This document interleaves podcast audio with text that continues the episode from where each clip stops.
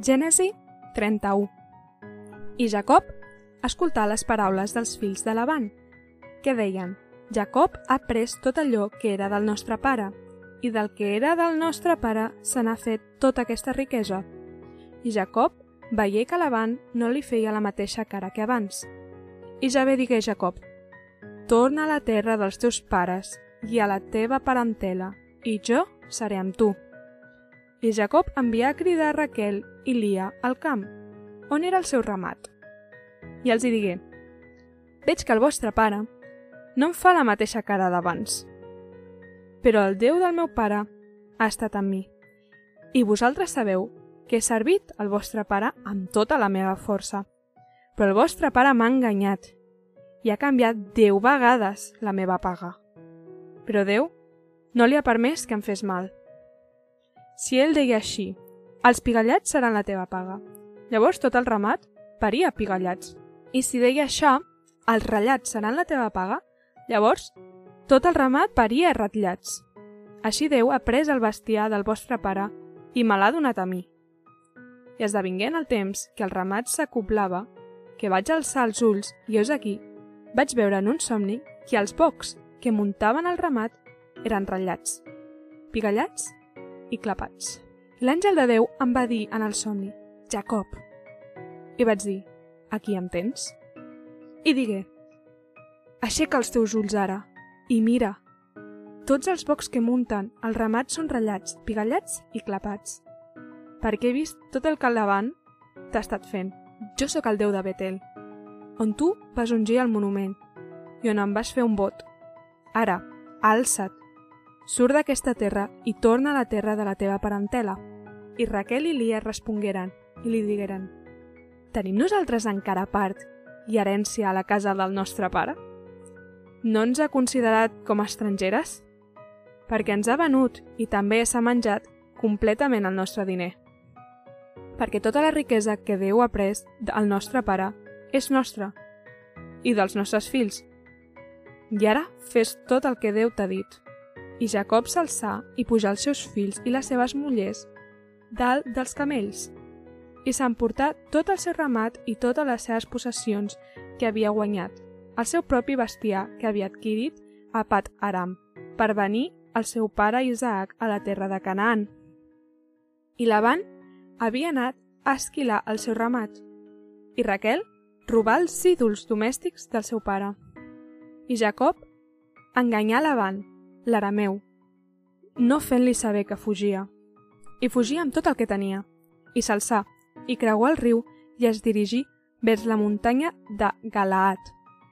I al cap de tres dies faran saber a Laban que Jacob havia fugit. I prengué els seus germans amb ell i el perseguí durant set jornades de camí i l'atrapà a la muntanya de Galaat. I Déu vingué a Laban l'arameu, en un somni de nit, i li digué guarda't de dir a Jacob res de bon i de dolent. I Laban atrapà Jacob. I Jacob havia plantat la seva tenda a la muntanya, i Laban la plantà amb els seus germans a la muntanya de Galaat. I Laban digué a Jacob, Què has fet? Què m'has enganyat i t'has endut les meves filles com a presoneres de l'espasa? Per què has fugit d'amagat? I m'has enganyat? I no m'ho has fet saber?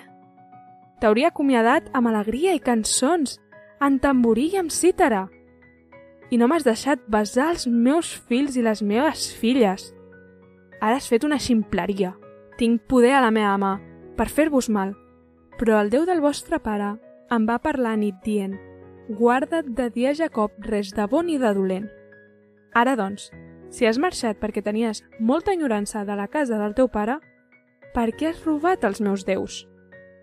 I Jacob respongué i digué a Laban, perquè tenia por, perquè em deia que potser em prendries per força les teves filles. Però qualsevol a qui trobis els teus déus no viurà pas.